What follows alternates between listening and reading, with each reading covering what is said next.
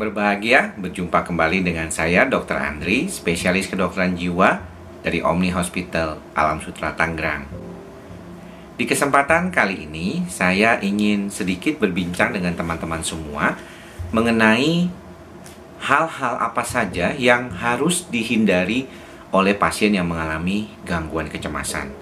Nah, ada beberapa hal yang sudah saya catat dan ini merupakan uh, hasil analisis saya berkaitan dengan pasien dan juga cerita-cerita dari pasien sendiri juga dengan berbagai macam literatur pendukung yang biasanya saya baca baik dari dalam maupun dari luar negeri.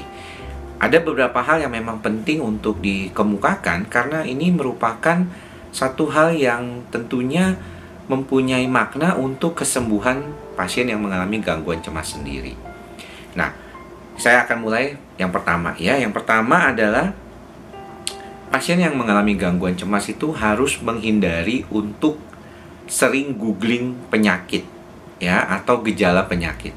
Nah, sebenarnya sudah pernah saya jelaskan di video YouTube saya sebelumnya yang berkaitan dengan pasien cemas jangan googling.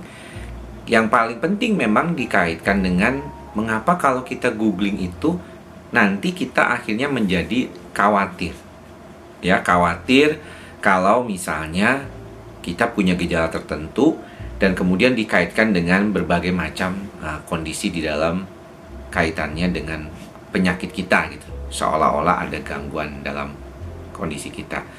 Contoh ya misalnya orang yang mengalami gangguan kecemasan itu sering mengeluh keluhan di lambung di jantung dan di paru. Nah kalau keluhan-keluhan ini kemudian menjadi dominan maka kita bisa lihat bahwa ternyata masalah-masalah seperti ini kalau kita googling nantinya maka makin lama makin banyak. Makin lama makin banyak ya. Pikiran-pikiran yang terkait dengan penyakit. Jangan-jangan sakit ini jangan-jangan sakit ini. Walaupun ternyata bahkan sudah dilakukan pemeriksaan ya. Pemeriksaan penunjang misalnya CT scan bahkan kemudian juga endoskopi atau bahkan ronsen paru yang mendalam misalnya atau urea breath test apa pun itu tetap tidak merasa yakin atau tidak merasa nyaman karena khawatir kalau masih ada hal-hal yang mungkin bisa terjadi akibat dari keluhannya tersebut. Jadi saya sih sarankan kalau bisa stop googling ya gejala penyakit maupun penyakit yang mungkin dikaitkan dengan keluhan yang sekarang dialami. Kalau sudah dikatakan clear oleh dokternya, maka sudah cukup gitu ya. Apalagi kalau sudah berkunjung ke banyak dokter ya. Cukup ya satu. Yang kedua adalah beberapa teman yang saya lihat ada yang memiliki WA group yang berkaitan dengan gangguannya. Misalnya WA group gangguan cemas WA group fobia sosial WA group uh, gangguan OCD atau apa pun lah namanya. Yang sering kali kadang-kadang bagi yang belum siap masuk grup ini itu bisa membuat kekhawatiran ya ketakutan kalau nanti grup ini bisa menyebabkan ya postingan-postingannya itu bisa menyebabkan keluhan-keluhan itu makin tambah banyak. Jadi si pasien sering kali tidak aktif memang secara postingan di grup tapi kemudian bukannya mendapatkan semangat tapi kebetulan karena gangguan ini sering kali hilang timbul ya. Jadi pada saat timbul tuh dia ada anggotanya yang curhat dan kemudian menjadi uh, gelisah si pasien ini yang memang belum stabil sekali kondisinya. Jadi kalau memang demikian, saya kira lebih baik tidak terlalu bagus kalau kita masuk ke dalam grup kalau kita sendirinya belum siap. Kalau Anda sudah siap, Anda sudah sembuh dan Anda bisa memotivasi orang lain dengan memberikan motivasi cara-cara untuk mengatasi keadaan itu dengan uh, keadaan sebelum Anda ini. Jadi berbagilah pengalaman itu silakan. Tapi kalau misalnya postingannya banyak keluhan, banyak hal-hal yang menakutkan buat pasien, maka saya kira ada baiknya tidak dilakukan.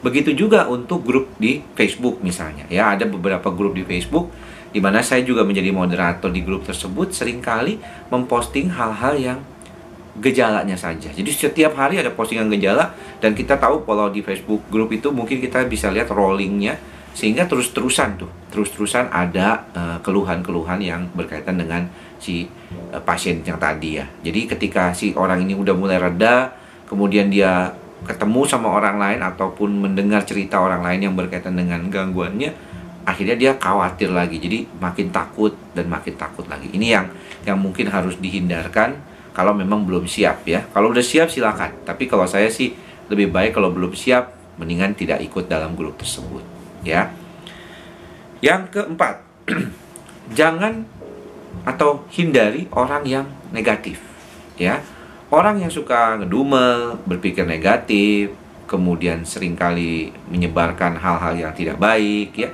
ini ada baik dihindari oleh orang yang mengalami cemas ya. Karena orang-orang seperti ini tidak akan berdampak positif, malahan akan membuat pikiran menjadi lebih negatif. Sehingga saya rasa ada baiknya hal ini dihindari oleh pasien yang mengalami gangguan cemas. Kalau bisa, ya tentunya kita juga bisa memilih ketika kita bertemu dengan orang lain. Kalau memang nggak bisa, ya bos kita ternyata orang yang negatif, ya kita harus benar-benar sadari. Maka Eh, teknik mindfulnya harus dipakai nih. Jadi menyadari segala sesuatu apa adanya, termasuk kalau kita punya bos yang kelihatannya agak sedikit ke ya negatif lah seperti itu. Ya atasan kita atau rekan sekerja kita ya itu negatif maka kita sadari benar-benar. Tapi cukup jangan banyak-banyak ya. Satu orang aja itu yang yang apa yang negatif. Kalau bisa jangan terlalu banyak yang negatif gitu. Nah, Yang kelima adalah suasana yang bikin tegang. Nah, suasana yang bikin tegang ini termasuk dalam menonton. Ya, beberapa pasien saya sarankan tidak menonton film action yang terlalu tegang atau banyak uh, berkaitan dengan film yang thriller mungkin yang action gitu. Karena pada saat orang itu mengalami gangguan kecemasan sering kali sensitivitas ya di dalam uh, jantungnya ini ya sering kali mengalami suatu perubahan. Dan kita tidak berharap bahwa kondisi ini akan menambah tegang ya menambah tegang. Karena biasanya tuh denyut jantungnya agak tinggi ya biasanya 85 ke atas tuh kalau pasien yang cemas eh, pengobatan bisa sampai sekitar 80 bahkan 75 tapi pada saat-saat tertentu dia masih tinggi dan ketika mendapatkan suasana yang menegangkan Eh, gampang naiknya ke level 100 dan akhirnya bisa berdebar-debar seperti itu. Jadi saran saya sih ada baiknya tidak banyak menonton film-film uh, yang menegangkan atau berada pada situasi menegangkan ya. Bahkan kadang-kadang ada beberapa pasien yang memang sudah saya sarankan awalnya untuk berolahraga, misalnya jalan kaki lah tidak setidaknya ya.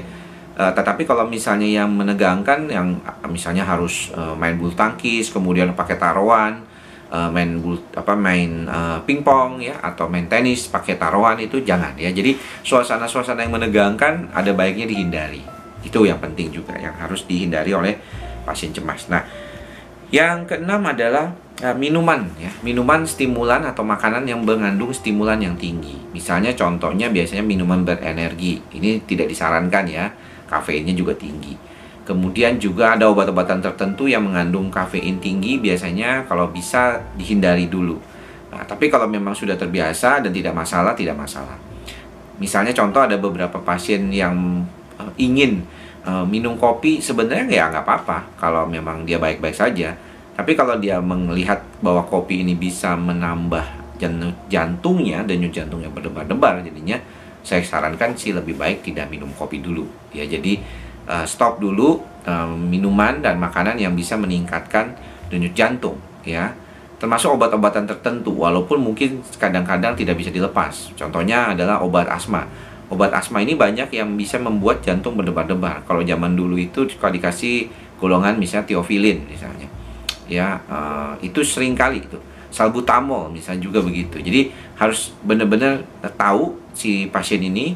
Juga kalau misalnya dia mengalami gangguan seperti itu, dia harus bilang ke dokternya apakah dosisnya bisa disesuaikan atau tidak pakai dulu kalau memang lagi tidak serangan atau misalnya berkonsultasi untuk mendapatkan misalnya obat yang bisa menurunkan denyut jantungnya.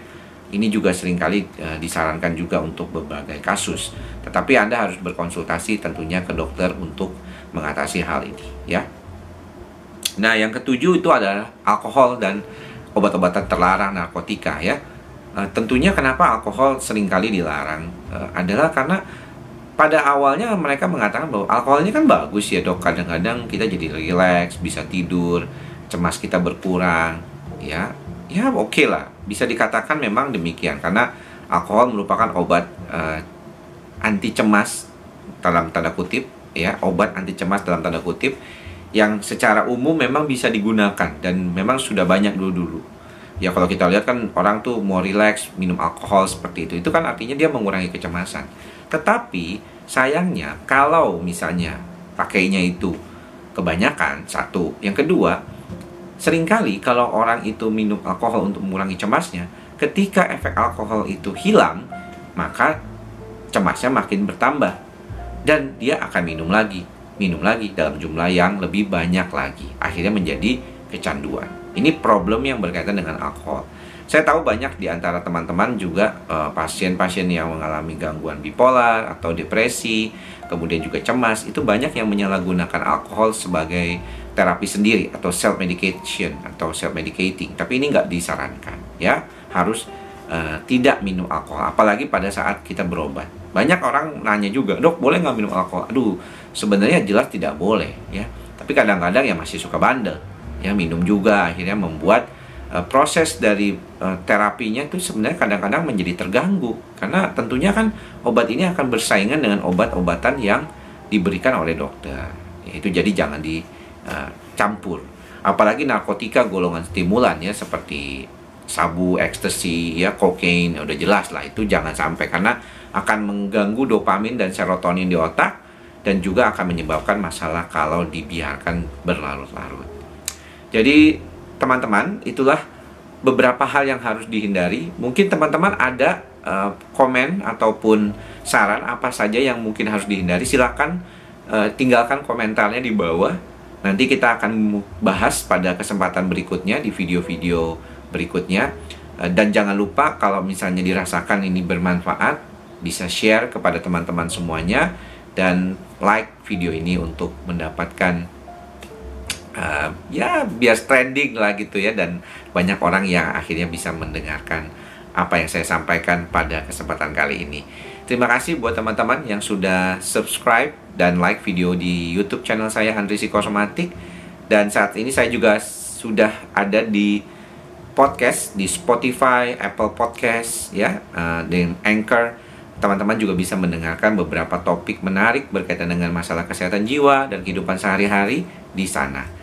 Ya, jangan lupa untuk tetap menjaga kesehatan jiwa dan raga. Mudah-mudahan tetap sehat dan bahagia supaya bisa kita menghadapi kehidupan ini dengan lebih baik lagi. Sampai bertemu di lain kesempatan dan di video-video berikutnya. Salam sehat jiwa. Bye bye.